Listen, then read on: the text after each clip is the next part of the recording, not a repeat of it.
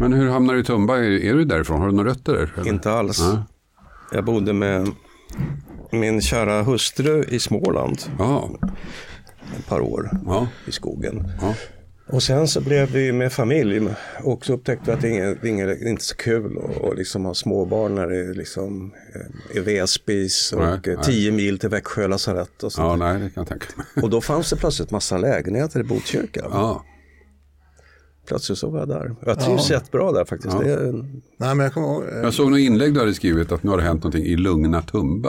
Ja. Jag tänker, Lugna Tumba, och sen när, sen när jag kom dit då, då såg jag, ja, här är, här, jag bodde i Tuna ett tag till exempel. Och, ja, här, är, här är sandlådan här, då var det eh, juggemaffian sköt med nackskott. Och, Ja. Men det var innan jag kom dit. Ja, ja. Men det är ju liksom, jag, jag har jobbat i Botkyrka också.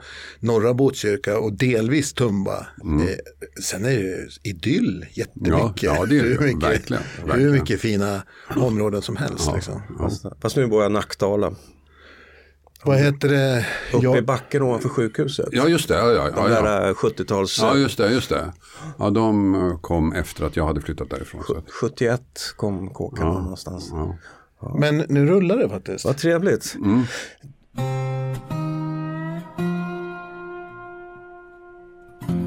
Den här podden heter Berman och Edman och den kommer handla framförallt om tv och 80 och 90-talet. Men vi kommer också att prata om en hel del annat. Då hälsar vi Hasse Aro välkommen. Tack så mycket. Vad trevligt att du kom hit. Kul att få vara här. Det för mig är det en legend som sitter här. Ja, vad kul. Eller hur? det vet inte jag om Nej, det men är för ute, dig. utifrån så är det ju liksom en, ett ansikte för en hel genre som du står. Ja, ja. Men för vi brukar börja med, får jag börja? Ja, varsågod. vi brukar börja med att höra, hur, på vilket bananskal halkade du in? Eller var det inget bananskal? Ja, det beror på var du med halka in var. I tv-branschen? I tv-branschen. Ja, men det var så att jag jobbade på, jag halkade in på Radio Stockholm och där hade jag en chef som hette Pelle Törnberg. Ah, Han fick uppdrag av då nystartade TV3 att göra tre pilotprogram eh, med Robert Aschberg. För Stenbeck då, Jan Stenbeck hade sett ett amerikanskt program så ville han göra en down, då, någonting junior show, så en, en provocerande talkshow. Då ville han göra en svensk version på den och så ville han att Robban skulle programleda den. Det skulle göras tre piloter och Pedde fick uppdrag att producera den. Och, eh, han var min chef på, på Radio Stockholm. Och det här skulle göras på sommaren i hemlighet då. Och så frågade han om jag ville vara med och, och göra research. Så då satt vi där i hemlighet på sommaren då när vi hade semester från Radio Stockholm. Och så gjorde vi de här tre piloterna. Och ur det föddes sen Strix Television. så det är diskutabelt vi pratar om då? Ja, det är det. Och vilket år är detta ungefär? 89 tror jag. 88, 89 någonting sådär. Det är väldigt det. tidigt i TV3s... eh, Ja, det var ju alldeles i början av TV3. Eh, Det här var ju liksom, kom ju väldigt tidigt. Och fick ju jättestor genomslag. Alltså, för det var ju liksom, poängen med det här programmet var ju att provocera. Liksom, det var själva grejen. Och jag vet att när vi gjorde de här tre eh, pilotprogrammen, i ett av jag tror det första, så var det en av gästerna som blev så förbannad. Så hon lämnade eh, studion. Och då kände jag, ja, då är vi hemma. Och det var vi. Var det målet att få någon att... Nej men alltså målet var ju att retas, att, att liksom provocera och om till och med deltagarna blev provocerade. Och det blev ju en stor grej i tidningen att eh, här lämnar hon uh, Aschbergs studio eller någonting sånt där. Och då, då hade ju inte programmet ens sänds och ändå blev det liksom en hel sida i tidningen. Man vill ju ha sådana Leijonborg som reser sig upp och Ja. rycker av sig myggan och säger Ja. Det är ju skitsnyggt. Ja men det var ju så, så hela diskutabelt gick ut på det när de hade pruttmannen där som satt och pruttade, där utrikesministern satt mitt emot och sådär. Så det var ju hela tiden nakenprogram. Och ja men det gick ju ut på att liksom skapa uppmärksamhet förstås. Och det lyckades vi med. Aldrig sett någon programledare skratta så mycket som Nej. Robert Aschberg när Pruttmannen är där. Nej, nej, den är klassisk. Jag vet inte vilket som var roligast, pruttarna eller de skratten.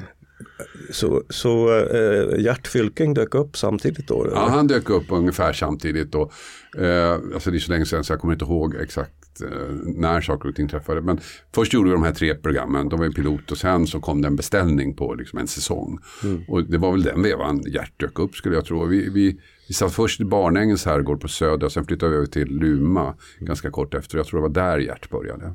Okej. Ja. Ja, Jag, var, jag hoppade av SVT Ja, jag vet, och du var ju där ett tag också. och kom 89. Ja. Nej, ni, jo 89 Ja. och till eh, eh, Herrgården. Ja, just det, då var vi Och där. jag kommer ihåg att det var en ganska häftig stämning där. Det var någon sliten eh, skinnsoffa som folk låg i och det var väldigt eh, lite sådär studentikos. Ja, verkligen. Och vi gick omkring och rökte och inomhus och sådär. Det var härligt. Men sen skärpte ni er. Ja, sen skärpte vi oss. Ja, precis. Ja, men sen så startade ju utifrån eh, Diskutabel startades ju ikväll då med Robert Aschberg. Och det var ju mer seriöst, mer ett klassiskt talkshow sådär. Men jag tänker också så, från typ SVTs eh, horisont. Eller liksom, Vänta, nu måste jag bara säga här.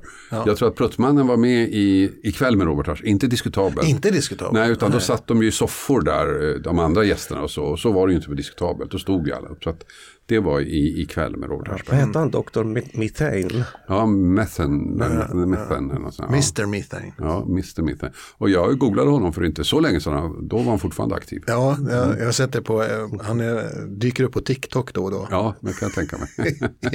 Säger ingenting om TikTok-flöde. Det, det är inte mitt, han, det är inte han, mitt han var ju i övrigt en väldigt trevlig gentleman. Sådär brittiskt väluppfostrad. Så. Men han hade en talang. Han hade en talang. Ja, men hur var stämningen då? Var det nybyggare, vilda västern? Ja, det var det, ja. Anything goes. Ja, det var ju så. Alltså det var inte, det fanns inga regler direkt sådär och liksom man kunde få en idé på förmiddagen och nästa dag så genomförde man den idén och så visade det sig att det var ju riktigt dålig jävla idé och sen så, ja men då gör vi något annat istället. Så det var lite så, det var kul som 17. Det var ju ett otroligt privilegium att få vara med under den här epoken tycker jag. Vad hamnade du i för sammanhang? Var framför kameran eh, direkt eller? Nej men först jobbade jag då med research och relationsarbete för Robbans program och sen så Pelle igen. Tipsade, han tipsade mig om att Sveriges Television sökte programledare till ett program som hette Trekvart. Och de hade någon audition eller någonting sådär. Så sa han, jag tycker du ska gå på den. Så gick jag på den. Och eh, sen hörde jag ingenting. Sen ringde de mig och frågade, som jag uppfattade då, att kan du komma ner igen? Och då trodde jag att det var liksom steg två i den här. Jag hade gått vidare till steg två. Och då kom jag in där och då sitter det tre andra personer där. Eh, Lella Modig, Annika Dopping och Maria Borelius sitter där då. Då tänker jag att jaha, det är dem jag slåss mot. Och så sitter vi och pratar och jag fattar inte riktigt vad som händer. Och så säger de så här, ja men nu är det dags, nu är journalisterna här. Och så går vi in i ett annat rum. Och då är det presskonferens. och då sitter jag där uppe på podiet. Och då förstår jag, jaha, jag är alltså en av programledarna. Jaha, vi är fyra. och det var kanske den mest absurda situationen i mitt liv. För då sitter jag på en presskonferens, det hade jag gjort många gånger, men på andra sidan. Och fattar inte egentligen vad som händer där. Alltså det var helt absurt. Men du, de hade inte skrivit på någonting? Eller Nej, jag hade inte skrivit på något. för dig? Nej, det du- kanske man gjorde, men jag fattade inte. Jag vet inte. liksom. Wow. Så då, då gjorde vi den, och det gjorde vi då i två säsonger eh, på SVT. Det var någon slags journalistisk underhållning eller? Ja, det var som typ de här Efter fem och alla de här programmen nu, fast ganska tidigt. Och vi fick så otroligt mycket skit, därför att vi gick då halv åtta mitt emot eh, Rapport. Så vi konkurrerade med Rapport och det tyckte kvällstidningarna inte var bra. Så vi fick jävligt mycket skit. Hur långt var programmet? 45 minuter, därav namnet. Ja, ja, då var det en kvart efter Rapport också i alla fall. Ja, just det, precis. Du kunde det. Ja, mm, det körde vi. Men vad, vad retar de sig på då? Det jag. Nej, men att vi konkurrerade med nyheterna. Att, att, vi liksom, att vi skulle göra underhållning när det var nyheter. Att det var liksom ansågs inte. Ja, ni hör ju själva, det är jättelänge sedan. Ja. Ja, nej, men, Ja, på den tiden folk brydde sig om sånt. Ja, folk, men kvällspressen i alla fall. De hittade det. Nej men det, alltså det finns ju, jag, jag- vet jag jobbade en stund med eh, Ortmark eh, Mm. på, efter den här karriären. Och det fanns ju liksom en, jag märkte när man pratade med honom runt fikabordet, det fanns en här idé om att de här programmen var liksom riksbärande Ja. informationsprogram som typ alla svenskar skulle ta del av. Ja, precis. Nästan obligatoriskt. Ja, nästan så att det var närvaroplikt. Ja. Och så kommer vi där och ska sno tittarna från till. Ja, precis. Och, och det var liksom inom SVT båda då. Så att det var inte någon kommersiell kanal som skulle sno tittarna. Utan det var en, ja. Mm. ja, det blev ett himla liv. Men det var väldigt roligt. Väldigt kul. Men, men du, du har ju en journalistisk bakgrund, Ja, JH. ja. Jag gick på Journalisthögskolan 79. Så att ingen kan ju slå dig på fingrarna där och säga att du kommer från gatan direkt. Nej, det gjorde jag inte. Alltså jag, eh, på den tiden sökte man, alltså då kom man in på antagningsprov. Det var ju liksom inga betyg eller någonting sådär. Så jag slängde in en ansökan och övertygad om att jag inte skulle komma. Så kom man till första testen, men det gjorde ju alla. Och sen så gick jag vidare då till andra testen och då är det 240 som går vidare.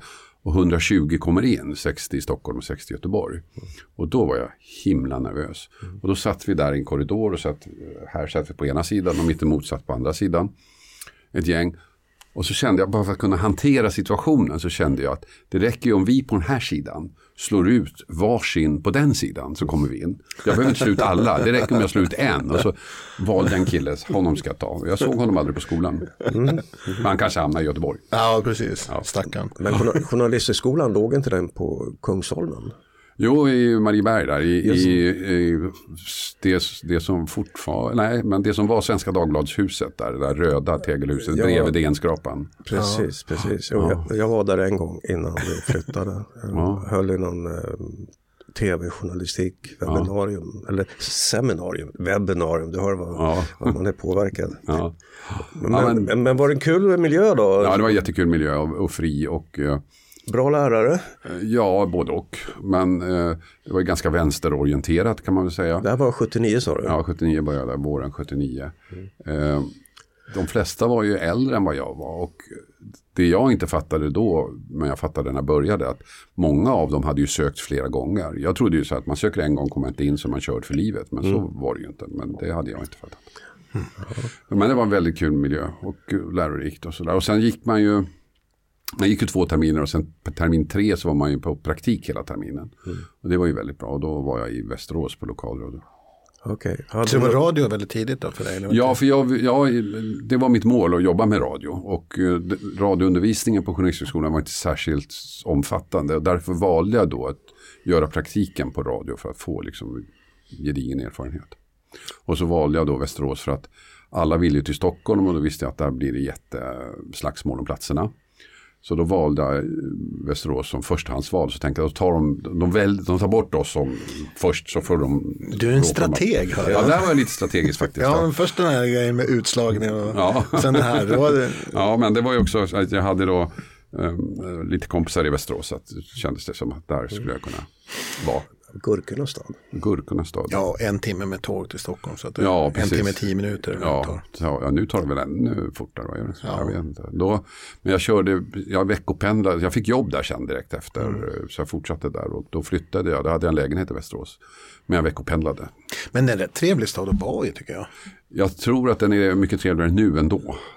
Det har hänt väldigt mycket i Västerås. Men jag var ju ung kille från Stockholm i 20-årsåldern. Jag ville ju inte bo i Västerås. Nej, just det. Och sen just det du säger, det, det är en väldigt mycket eh, arbetarstad då Ja, förstås. då var ju det. Och eh, centrum var, dominerades ju av industribyggnader och sånt där. Nu har man ju byggt om dem. Så nu det har hänt jättemycket i Västerås. Hade du några eh, kända kollegor på kursen annars?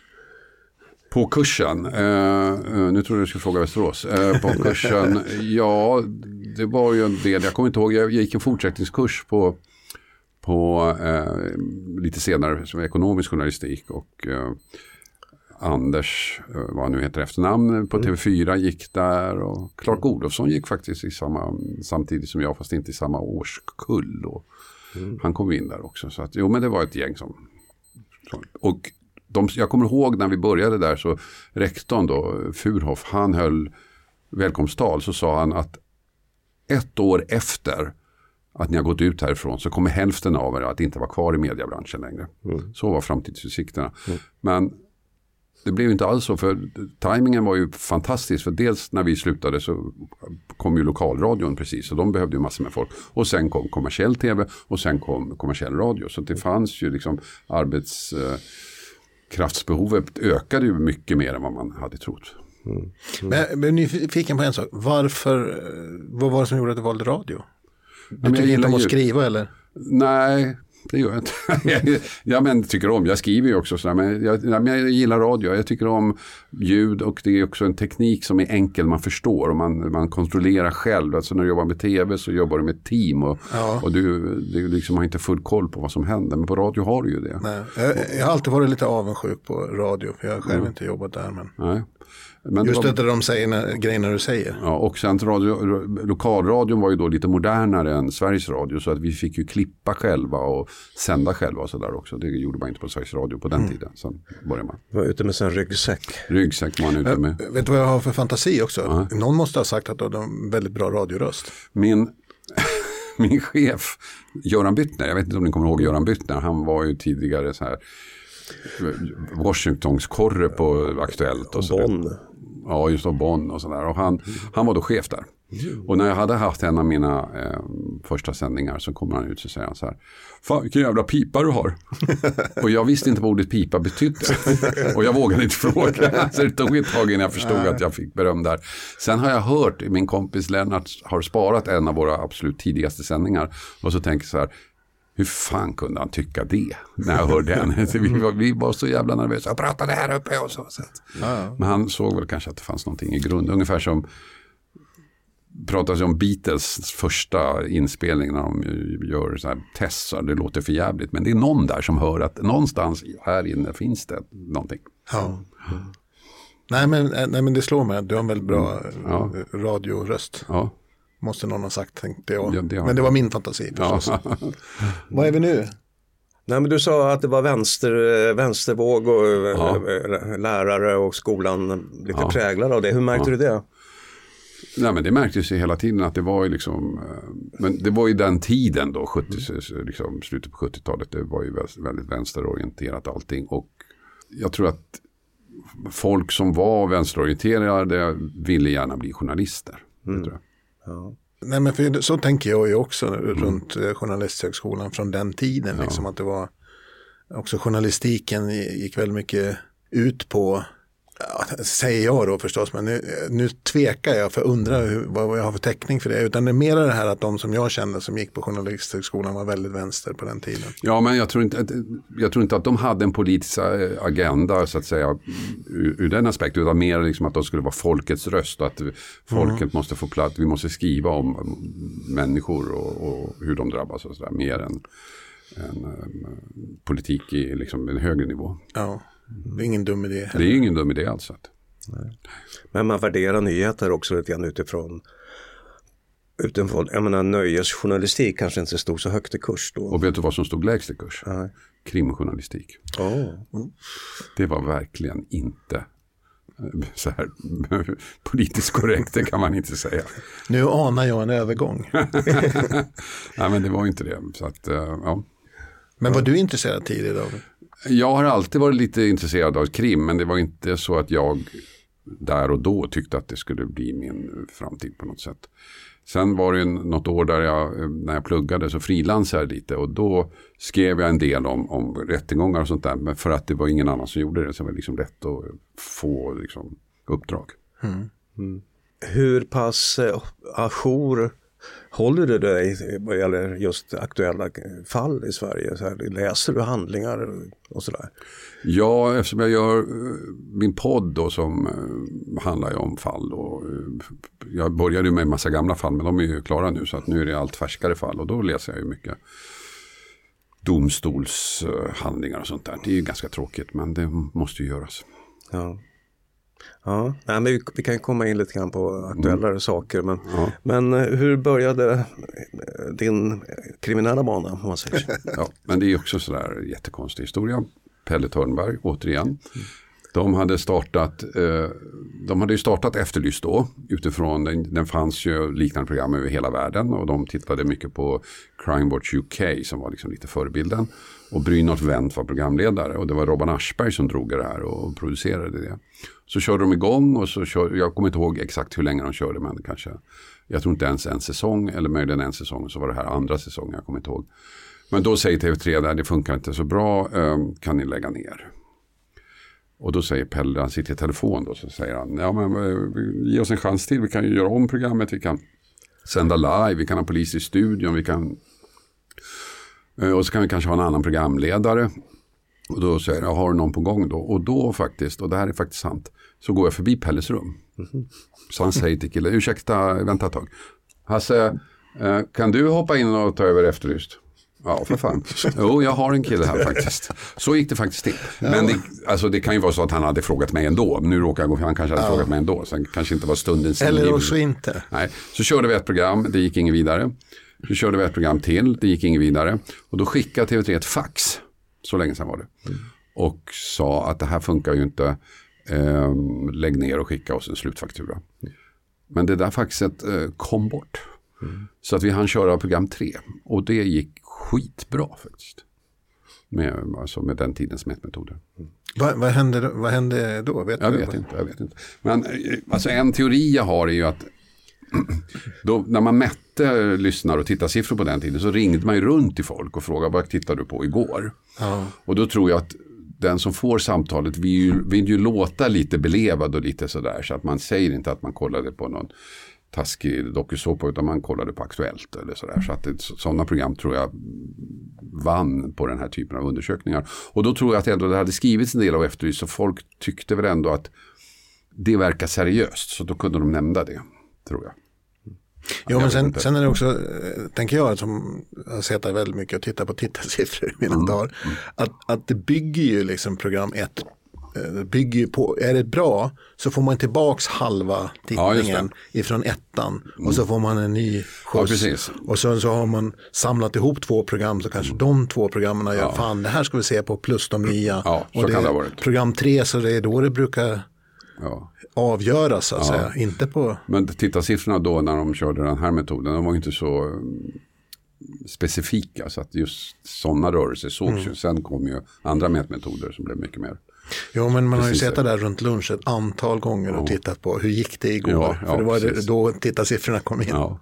För mig i alla fall. Ja. Det, det här var 2000, Nej, eh, som jag började med Efterlyst. Nej, det var början på 90-talet, 91 kanske. var det så tidigt? Ja, eller möjligen våren 92, jag kommer inte ihåg. Men den officiella beskrivningen är att det var hösten 91. Okej. Så vi håller oss till den. Hur såg det ut i början då? Var det uniformerad polis som satt? Ja, då hade vi med, då, då började vi sända direkt. Så hade vi med poliser.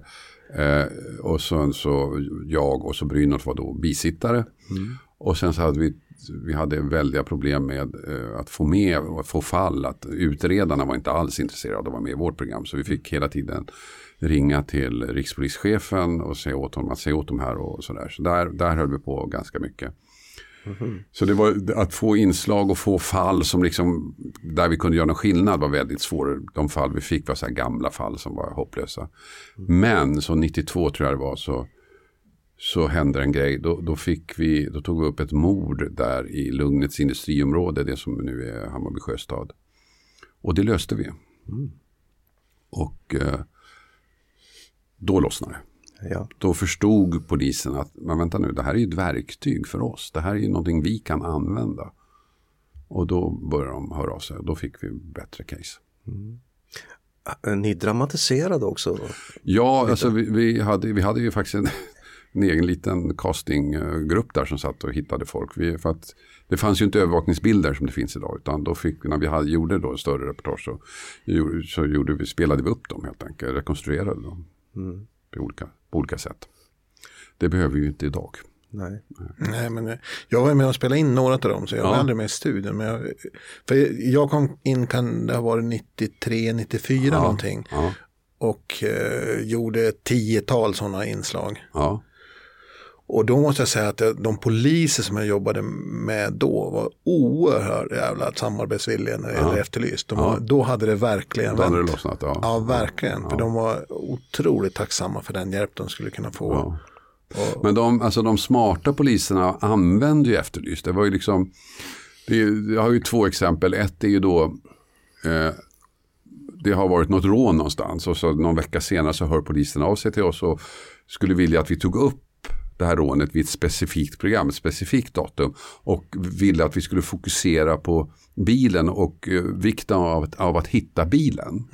Så då kommer de in och så gör vi en rekonstruktion av rånet och så är det en utredare i studion som säger att ja men hittar vi bilen så kanske det finns viktiga spår där DNA och sånt. Så att det är jätteviktigt. Och så la vi upp bild på bilen. Sånt där. Vad de inte berättade var att de hade redan hittat bilen.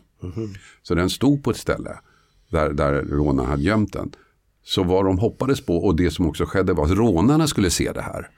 Och tyckte, vad fan har vi rensat ut den där bilen? Alltså, så, så de sticker ner då för att kolla att bilen är okej. Okay. Och då är ju spanarna där och tar dem. Listigt. Listigt. Och ett annat tillfälle, ett mord på en sån här eh, dörrvakt på något ställe på Kungsgatan. Var det samma sak. Eh, de ville att vi skulle ta upp det vid ett specifikt tillfälle. Och då hade de avlyssning på, på misstänkta personer.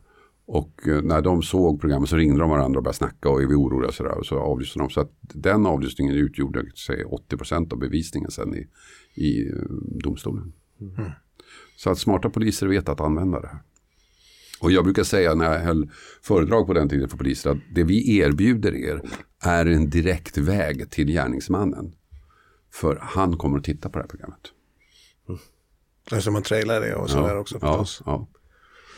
Nej men för jag, jag, jag kommer ihåg de här rekonstruktionerna i alla fall. Alltså, jag vet inte om det slutade med det, men det var ofta så också att det var ju inblandade personer som var med i de ja, det var det. rekonstruktionerna. Ja, det var vi det. hade kanske en eller två ja. statister med mm. oss.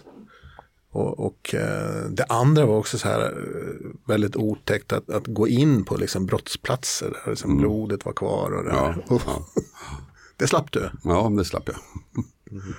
Ja, men det var, det var väldigt, väldigt spännande i alla fall ja, att se. Ja, det var kul när vi höll på med rekonstruktionerna. Men det var ju också väldigt omständligt. Det tog ja. ju tid och sånt där att göra programmen. Ja, det var ju en, en hel dag inspelning plus en eller två dagars redigering ja, för ett, ja, så, ett sånt inslag. Ja, och sen ska det kastas innan man ens kommer ja, ut och hitta folk som är med och sådär.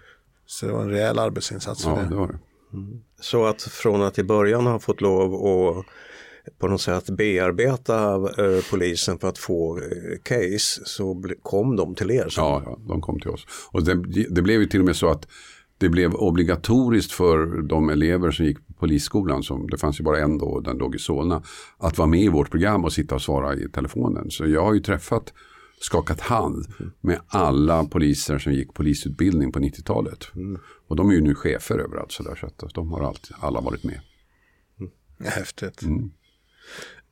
Ja, men för det, här, alltså, för det är därför också som man känner så här, eh, legend över det här. Det är ett startat program på 90-talet. Mm. Vilken säsong är ni inne på nu? 65, 63. Och aldrig något avbrott heller? Jo, jag hoppade av ett tag där. Ja, det missade jag. Ja, när jag hoppade av då, det var väl 2014 som jag hoppade av och så körde vi igång på fyran ett liknande program. Och då körde TV3 först med Robban Aschberg och Jenny Gorman. Körde de eh, klart säsongen och sen gjorde de om det och, och la det på sexan och det blev något helt annat program då. Eh, och sen la de ner det så att det försvann då. Men, så att det var borta något år så här. Sen kom jag tillbaka så körde jag igång igen. Mm. Och jag vet att du har samma studieman hela tiden. Samma studieman hela tiden. Ja, inte hela tiden, men, Nej, men så gott som. Så gott som. ja, inte bara det. Många där i personalen, som, eh, alltså i studion, som har varit med jättelänge.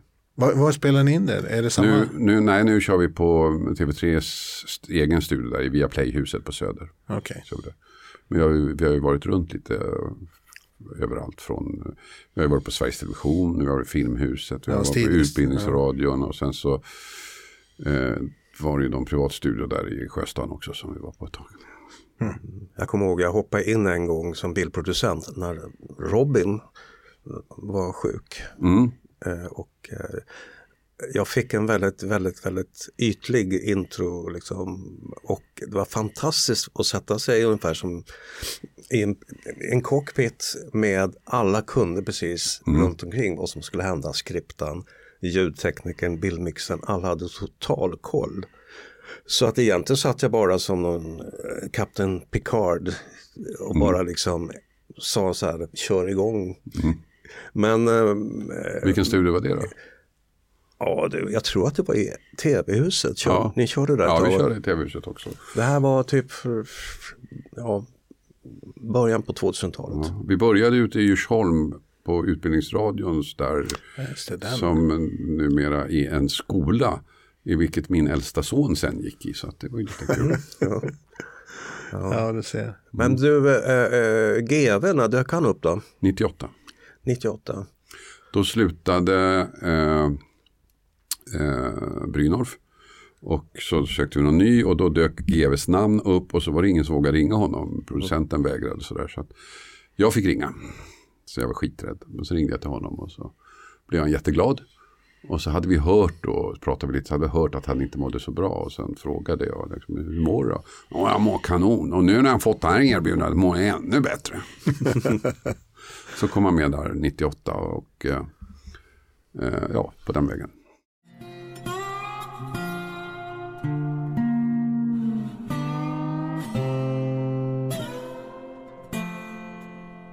Jag har ju en eh, fråga också. Ifrån att du liksom är eh, i mina ögon så, här, så bred journalist, du gör jätte, jättemycket. Har det blivit så att du har, att du bara blivit krim i hela din... Nej, alltså nej, det har det inte blivit. Jag har ju gjort så mycket annat också, men kanske inte det journalistiska kanske jag lämnade, men jag har ju producerat massa saker också. Så att jag menar, under mina aktiva år på Strix där så, så, så var ju Efterlyst inte alls huvudsysslan för mig.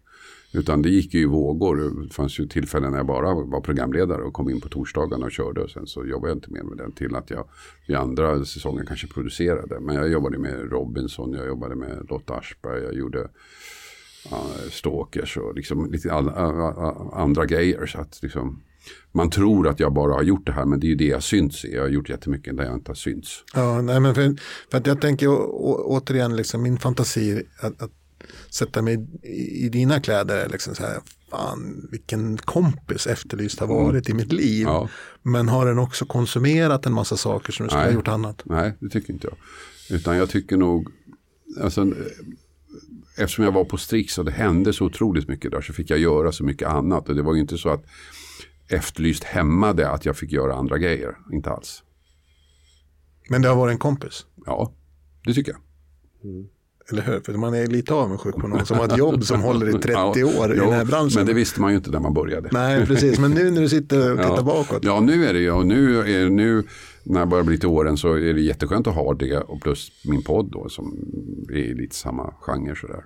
Det är jätteskönt. Ja, för det, det, utifrån så ser det ut som en liksom väldigt så här, karriär som bygger på en sak. Ja, men så är det ju inte. Så är det inte. Men du trivs med krim? Ja, det, jag, jag gillar krim. Jag tycker om, nu tycker jag att det är lite tråkigt när gängkriminaliteten, det finns liksom ingen spänning i det på något sätt. Så det tycker jag, den utvecklingen går liksom åt jättekonstigt håll tycker jag nu med 14-åringar som mördar varandra. Så där. Det är jättetragiskt. Du menar att, att, att det inte är enstaka gärningsmän längre på samma sätt utan Nej. det är, större krafter. På 90-talet så var det ju väldigt mycket av de här stora rånen, värdetransportrånen, bankrån och växelkontorrån. Och de, där fanns det ju alltid en planering, där fanns det ju alltid liksom en grupp som hade, så det fanns ju, det fanns ju en underliggande spänning på ett plan i, i dem också. Eh, förutom att liksom, folk blev drabbade så fanns det ju ändå liksom någonting att berätta. Det fanns en historia men det gör det ju inte i de här Nej. jag, nya kriminaliteten. Det är liksom inga charmiga Nej. riffifi-brott längre. Nej, nej, det, nej. Ja, det, är på, det finns ju också men nej, inte så mycket. Och det man inte pratar om är att om man tittar på brottsstatistiken om vi, då, om vi tar mord till exempel så, så delar vi in det i två grupper. Liksom gängrelaterade mord och övriga mord. Så det som då är övriga mord det har ju sjunkit jättemycket. Det har halverats. Medan gängkriminalitetsmorden har ökat. Så vi ligger fortfarande på ungefär samma nivå, lite högre än vad vi gjort tidigare. Men de, de, vanliga brotten har minskat jättemycket. Och det har det gjort i hela Europa, så det är inte bara i Sverige. Men det är en utveckling vi inte ser då eftersom gängkriminaliteten skymmer den. Ja, men precis. Det där blir också rätt så att, att man också då ägnar otroligt mycket politisk kraft åt kriminaliteten. Nu känns det mer som det är gängkriminalitet, men de här, det man föreslår ofta, det ska ju liksom slå, slå mot det, slå mycket bredare än vad gäng, gängkriminaliteten är. Så ett problem som då inte finns här löser vi med jättedyra och hårda medel, Ja, tänker jag. ja, ja det där är jättesvårt. Det är jättesvårt. Ja, jag får en känsla av att det är som att vi har levt lite skyddat i Sverige under lång tid och, och nu har den stora världens kriminella krafter upptäckt eh, det, eh, vårt eh, rättsväsen manipuleras, det finns läckor i, från domstolar. eh, det är stora pengar, det är välfärdsbrottslighet Mm. som är i, i stor skala. Ja. Är det ungefär så du tänker också? Ja, men så är det. Och vi är ju som, just när det gänger gängkriminaliteten, den finns ju på olika nivåer. Dels har du de här killarna som springer och skjuter varandra på gatan. Det är ju en nivå, men sen har du den som du pratar om där de liksom börjar nästla sig in i systemet. Och det är ju inte de här 14-åringarna utan det är generationen innan som lyckas nästla sig in i domstolssystemet, lyckas nästla sig in i i eh, det kommunala systemet, Botkyrka som exempel. Och eh, även nu pågår ett antal rättegångar med, med människor som har läckt information från domstolar och sådär. Så att det, och det är ju systemhotande. Det är ju liksom att 14-åringar skjuter varandra, det är otroligt tragiskt och, och tragiskt för de som råkar gå förbi och sådär. Men det, det andra är ju liksom... i- Det är mer hotande. Ja, det är allvarligt. Ja, det, det liksom. kan jag verkligen se också. Och Ser du någon lösning eller någon väg? Nej, det gör jag inte. Inte sån här, sån här enkel väg, det finns det ju inte. Men jag vet ju att just, um, jag har kollat en del på New York när man då eh, knäckte brottsligheten i New York på 90-talet där. Och då, det man pratar om i Sverige ofta, eller ofta när man pratar om New York-modellen, är hårdare tag. Hur de hade hårdare tag och när någon gjorde en, en liten grej så tog man honom direkt in till domstol, få ett straff direkt liksom. Det tog bara några timmar. Och eh, när, det klottrade så stängde man av det tåget, tvättade och sådär. Så att, och det var den, ena delen av det hela. Det man inte pratar om så mycket är liksom den andra delen som man också satsade på, sociala delen. Man rustade upp utsatta områden. Så fort ett fönster gick sönder, man säger broken window policy, så bytte man ut det. Man satsade på liksom fritidsverksamhet och sådana saker också. Och det pratar man inte så mycket om när det gäller New York-modellen. Men det var också viktigt. Och där tror jag att där någonstans finns nyckeln. Att det är, två, det är två, två vägar man måste gå. Och jag tror ju till exempel att det här med jourdomstolar tror jag är väldigt viktigt. Att nu är det så här när en 15-åring blir dömd för det här mordet som han har begått så i hans brottsregister finns det så mycket mer innan som inte någon har reagerat på. Och jag tror att om du är liksom 13 bast snor en cykel eller klottrar och polisen kommer att ta dig och du hamnar i domstol så är det avskräckande, det tror jag. Sen tror jag straffet i sig kanske inte är det viktiga, men just reaktionen, den snabba reaktionen tror Ja, jag är, är viktig. För det, det tänker jag också när jag tänker på det här med New York och det. Och som, och, och som också har jobbat. Jag har jobbat i den sociala svängen här Ja. innan jag började med tv. Just snabbheten är så jävla mycket viktigare än hårdheten. Och Ja. det pratar man inte mycket om. Nej. För hår, alltså, hårdheten att sätta liksom 14-åringar på långa straff. Det är ju rätt bevisat att det kommer inte att leda till något Nej. gott. Och då tror jag att om du hade reagerat redan på första brottet så Ja. hade du inte hamnat i det läget. Nej. Utan då får de, ja vad de nu får för det här enkla brottet, men det är inte, det är inte straffet utan det är liksom Mm. skammen att stå där. Ja. ja, men snabbhet är viktigt där. Ja, men det där, jag, jag har inte heller några lösningar, men det är intressant att du också är inne på det. En annan sak som jag, som jag reagerar på, jag tänkte på det här med podden, att du läser en massa domar säger du. Ja, Och, och min, jag har ju själv gjort två dokumentärer där jag har liksom läst domar. Och vid båda tillfällen så kände jag så här, men herregud, historien som har gått i, i dagspressen och domen är inte samma sak. nej.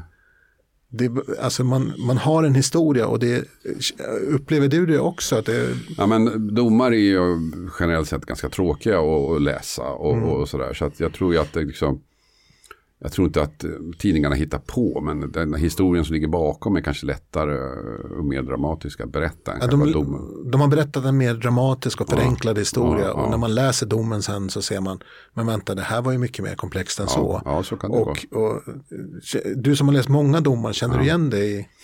Ja, inte riktigt i det du berättar att det skulle vara mer komplext, men att domarna liksom är ju mer detaljerade än man kanske tror. Och det är ju samma med, med dom, alltså domstolsförhandlingar. Då, den bild man har och när man ser amerikansk tv, så där, amerikanska filmer om domstol är otroligt eh, dramatiskt där Ja. Men så är det ju inte i verkligheten. Det går, Nej, ju, jag- väldigt, går ju väldigt långsamt. Jag har inte varit så många domstolar. Det går väldigt långsamt.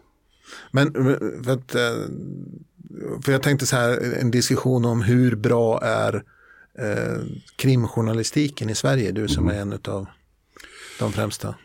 Ja, den är ju bättre nu än vad den har varit. Absolut, det tycker jag. Eh, lustigt för jag var på en PK-debatt häromdagen. Publicistklubben debatterade just det om gängkriminaliteten och sånt där. Men jag tycker nog att generellt sett så är den okej, det tycker jag. Ja, för den är också mycket mera prestige idag. Det är väldigt mycket som görs. Ja, det är inom- verkligen, verkligen. Men jag menar, när man pratar om journalistik så måste man ju inte prata om hela bredden. Jag menar, tittar du bara på Expressen, ja då kanske du har jättemycket synpunkter.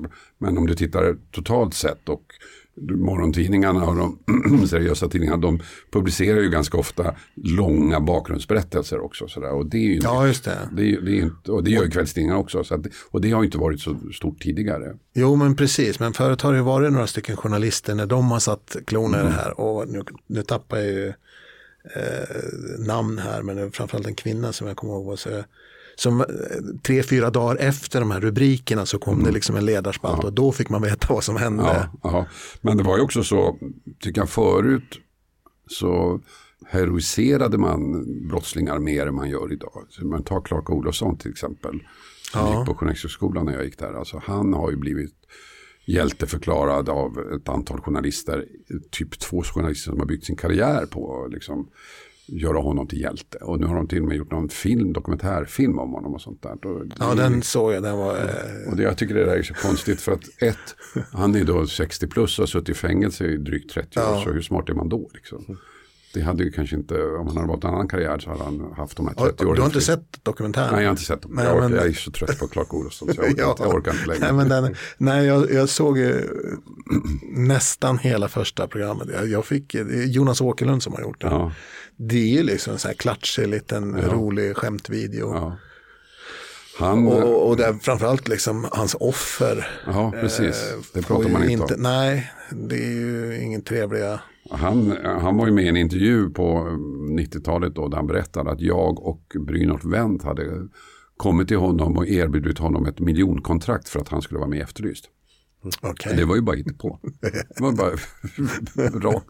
Men det tror jag säger en del om honom som, som Ja, person. men han, han, han ville väl vara där i Ja, media, mediacentrum. Ja. Men just det här med eh, nu när eh, också alla de politiska partierna tar tagit tag i det här med kriminalitet eh, och att den får en politisk färgning och även att bevakningen på något sätt eh, tycker jag, det, det, det är på något sätt också det lite grann beroende på vilken tidning som skriver. Om Svenskan skriver en lång artikel så finns det kanske eh, jag ska inte säga att det färgas av, av tidningens eh, eh, inriktning. Men, men märker du något sånt? Att, att det inte är liksom torra polispapper man utgår från? Utan ja, det är- men både och tycker jag. Både och också. man drar fler växlar på det hela. Ja, jo, både och tycker jag. Och det finns då de som drar politiska växlar. Men det finns också, som jag sa, de här djuplodande reportagen som jag tycker är nya nu, som inte har funnits så länge, som jag tycker är bra. Där man liksom får en hel historia. Den här Tove, eh, exemplet. Ja, som jag ser som en stor, stor massa med, med händelser och eh, artiklar. Och, eh, och på, som läsare, som konsument av, av det här så känner jag mig att jag är lite fed up. men just Tove tycker jag att eh, tidningarna gick för långt. Är det så? Jag tycker att det skötte man inte så bra på flera olika plan. Men också, inte minst för att man liksom namnger de här två unga tjejerna. Och en bild och, och så på dem. Och sen den ena då sen i, går, går då fri i hovrätten. Så hon blir alltså dömd för ett brott som, som gav henne väldigt lågt straff under två år. Men henne, hela hennes liv är ändå förstört för att tidningarna publicerat namn och bild på henne på en 19-årig tjej. Och det tycker jag, där tycker jag man gick för långt. Verkligen. Ja, det går lite snabbt ibland. Med, För just när det gäller namnpublicering så har ju tidningarna i allmänhet och Expressen i synnerhet verkligen dragit iväg. Eh, jag kommer ihåg när vi började, då var ju vi liksom i, i täten. Liksom lite, man såg oss som att liksom vi var på gränsen hela tiden för vi namngav personer innan de blev dömda. Eh, och, eh, men nu, nu är ju långt, långt bortom det. jo, men jag vet. Eh, och, och folk som är i allmänhet så, ja men vad fan, det, de har ju ingen rök utan eld och Mm. det ska vi inte göra så jävla mycket. Men de ska ju också komma ihåg att det, det är någon kusin som ska gå till skolan på högstadiet. Det är liksom någon mamma som, Mm. som ska, alltså det är jättemånga runt omkring som drabbas Ja, av en det. publicering också som absolut inte har gjort någonting. Samtidigt som det ibland finns ett liksom allmänintresse att veta vem är det, varifrån kommer han och sånt där. Men det där är en sån komplex fråga och det där får vi ju jättemycket reaktioner från våra tittare på. Varför blurrar ni den här, varför namnger ni inte den och sådär. Mm. Eh, och Men det är ett avvägande som, är, som Ja, ska tas seriöst. Ja, liksom. precis. Och det är unikt i varje fall. Ja. Det finns, man kan inte ha generella regler tycker jag. Utan det är varje fall som är unikt. Ta Tove-fallet till exempel. Om det hade varit två 35-åriga män som hade mördat Tove. Ja, då hade jag förstått att man hängde ut dem. Då hade jag inte haft något problem med det. Men nu var det två unga tjejer. Och då tycker jag att då kunde man väntat lite. Mm. Har man skapat en arena som eh, också utnyttjas av eh, folk som vill få exponering och eh, jag ser på de här skolbrotten och eh, unga killar som eh, försöker göra copycat, eh, efterlikna amerikanska fall och, och så. Att de, för de vet att de kommer få exponering. Det som komplicerar bilden lite grann är att det är inte längre media som är, som är ensamma på arenan. Utan Nej. om man tittar på de här videorna som de här eh, eh, Foxtrot-gängen publicerade på ja, Insta eller vad det nu var. Så att det, det är bortom media. Så att jag menar, frågan är vilken, vilken, vilket inflytande har media egentligen på den här miljön? Läser de ens tidningarna? Jag vet inte. Nej, jag Utan, så att nu, nu, är, nu är ju också den situationen mycket mer komplex. Även om tidningarna inte skriver någonting så finns ju informationen ute ändå. Ja, Alltså tidningarna ska ha en mer modererande mm, kraft egentligen. Ja, men jag tror att tidningarna ska liksom utgå från sin egen, men frågan är om det hjälper i stort. Ja. Ja, men det, det, är- alltså risken tänker jag också med så, så mycket, för jag tänker också på om man, om man mäter hur mycket crime och true crime som publiceras idag. Så, så det är en annan risk som jag tänker på och det är ju att rädslan ökar Ja, väldigt, väldigt mycket. det där har ju vi fått höra i alla år då, att vi liksom sprider rädsla. Och det kan man väl å ena sidan tycka att det finns en viss fog för. Men å andra sidan ska man hålla käften om, om grova händelser. Ska Nej, det ska man ju naturligtvis inte göra. Så vad är alternativet då? då? Ehm, och jag, alltså, det som jag tycker är fascinerande att när det gäller just publiken på true crime. Eh, och det har var- så varit med Efterlyst och det har varit så med, med eh, och det är det fortfarande då på alla sätt. att Det är, publiken består till stor del av ganska unga kvinnor. Och tittar man brottsstatistiskt så just unga kvinnor är de som ligger ganska lågt ner i riskzonen. Utan det är ju unga män snarare som drabbas av brott och sådana saker. Så jag, det, det är väl en rädsla kanske men också en fascination, jag vet inte. Ja, men för att det blir så, det blir ju som i alla, jag menar efterlyst eh, jätte, jättebra, men eh, sen så ska ju göras liksom i alla kanaler göras Mm. något liknande, liksom, inklusive Sveriges Television, som vi, där, där GV sitter Det idag. där- liksom. ja, Vilket gör är- att det på totalen måste vara liksom, Ja, det där, är det ja. där är fascinerande för som jag sa då i början här att då var ju liksom krimjournalistik ansågs som den lägsta formen. Det fanns ju två krimtidningar, Veckans brott och Kriminaljournalen som blandade krim och porr.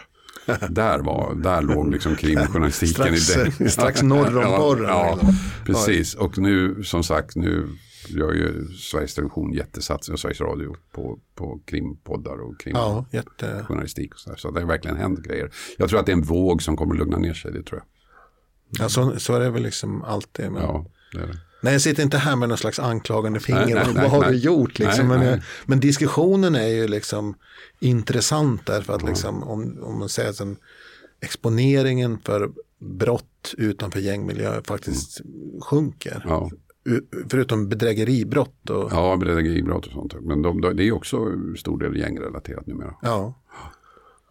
Och det här bidragsbrott och, och Ja, den typen av ja, grejer som är Ja, hotande. Ja. på ett helt annat sätt. Jag råkade se något, något, någon liten miniserie på SVT som handlade om Nybroviken. ståplats i Nybroviken. Just det, vad var det? Eh, vad hette han, eh, journalisten? Eh, egentligen sportkille som... Men det är något gammalt fall, eller hur? Som... Ja, det är, är 60-talet. Ja, Eh, rivningskvarter Klara Ja, och, eh, och att eh, tre personer eh, hittades i, i ett ståplats i Nybroviken. Och det gjordes fem eller sex avsnitt. ja. Och så tänkte jag, skulle det här kunna gjorts eh, tidigare? Det är inte så att det, SVT också hänger på den här trenden. ja. Jo. Jo, det är det. Och det känns ibland lite, man får lite, jag får lite så här bismak, liksom, jag tycker att det är spekulativt på något sätt. Man, man på något sätt går in i människors elände. Det här är väldigt tragiska historier just om de tre människorna som mördades. Och, Men samtidigt så tycker jag, om man nu ska försvara kriminaljournalistik, att det säger en del om vårt samhälle. Ja.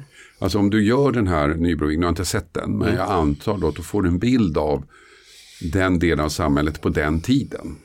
Så kriminaljournalistiken visar ju en koncentrerad bild av, av det samhälle vi lever i. Och så är det nu också. Nu gängkriminaliteten är stort och det är mycket det det handlar om. Nej, men det, det är bara att gå till mig själv när jag tittar på vad jag väljer för att titta på för drama. Så är ju drama så väljer jag gärna något som är kriminaldrivet. Ja, För att men det driver historien så jävla bra och det blir liksom spännande. Man vill veta hur det går alltihop det här. Ja, ja. Så det är ju, när det gäller att berätta historier så är det ju tacksamt med. ja. Men jag, nu har läst, jag har läst ett par böcker då som har då ett kriminaldrama i, i, botten. Men som är så himla bra så jag fattar inte vad gör den där.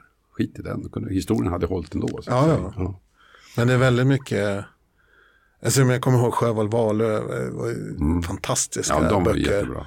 Och som drev eh, ju ett jättebrett berättande om samhället Exakt, med ju, hjälp ja, av Precis, de var ju samhällsberättande. Jag, träff, jag träffade henne faktiskt här på krogen mitt emot er. Ja, hon bodde här. Jag vet, och så hängde hon där på krogen här borta. Ja. Väldigt trevlig. Jag har, eh, jag har gjort dokumentär om, om en livsmedelsaffär där hon alltid gick så hon var med i den. För jag, jag satt och snackade med henne på krogen här en gång och så berättade jag att jag hade samlat, när jag var ung samlade jag alla de här böckerna men så har de försvunnit under resans gång någonstans. Jag har inte kvar Ja. dem.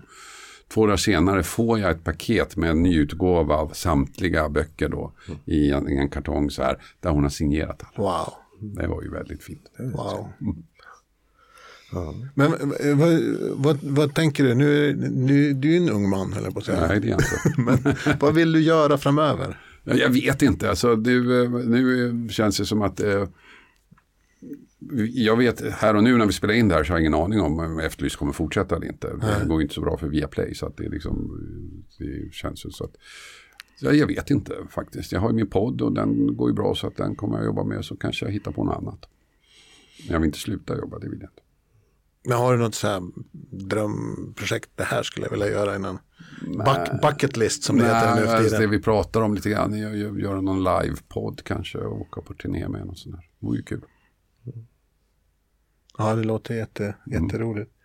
Jag tittar lite grann över till Lars och- och funderar ja på. men vi kanske, Vi kanske ska börja runda av. Ja, vi kanske ska runda om. Ja. Ja. vad trevligt att Ja, du kom. jättekul. Kul att få och- komma. Ja, och, och kul att ha en riktig... Men det är liksom- kul också när ni bjuder in gäster som var med på liksom, när allting började. och Sånt där. Eh, Allting börjar ju inte, men i vår värld började Men, allting. jo, men, men det är ju en sån speciell, eh, Speciell tid, tid, som ja, vi fick verkligen. vara med om. När allting, det som du säger, jag, gick- jag råkade gå förbi en dörr och plötsligt var jag programledare. Ja. Var och varannan som vi har bjudit in här har ju Har den ju samma historien. Ja. Inklusive en själv. Ja. Och, och jag kommer ihåg, jag hade ju sån respekt för dig alltså. För jag jobbar ju på Strix Ja. Tillsammans med Peter Lundin. ja, just det. Och satt uppe på kanon. Mm, just det. Och du var ju en chef där på något sätt uppfattade dig som. På Strix var jag chef ett, ett eh, kort tag. Jag var då, Peter var ju liksom koncernchef och så var jag då chef för svenska eh, Strix. Det var eh, alltså det tråkigaste jobb jag haft. och sen så blev jag värvad av ett annat produktionsbolag som vd där. Eh, och så sa jag ja, men så ångrar jag mig och så sa jag nej och så slutade jag på, som vd på Strix. Det var ett väldigt bra beslut. Så att du gillar att vara ute i produktion. Ja, ja, precis i verkligheten istället för att sitta där i, med massa vinstsiffror på kontoren i Fyrskjut. Ah, jätte, jättetack för att du kom hit. Ja, det var Tack så trevligt. mycket Tack. Podden du just har lyssnat på producerades av produktionsbolaget Berman och Erdman Produktion. Musiken kommer från audionautics.com och du följer oss på Facebook där vi har en grupp, Berman och Erdman.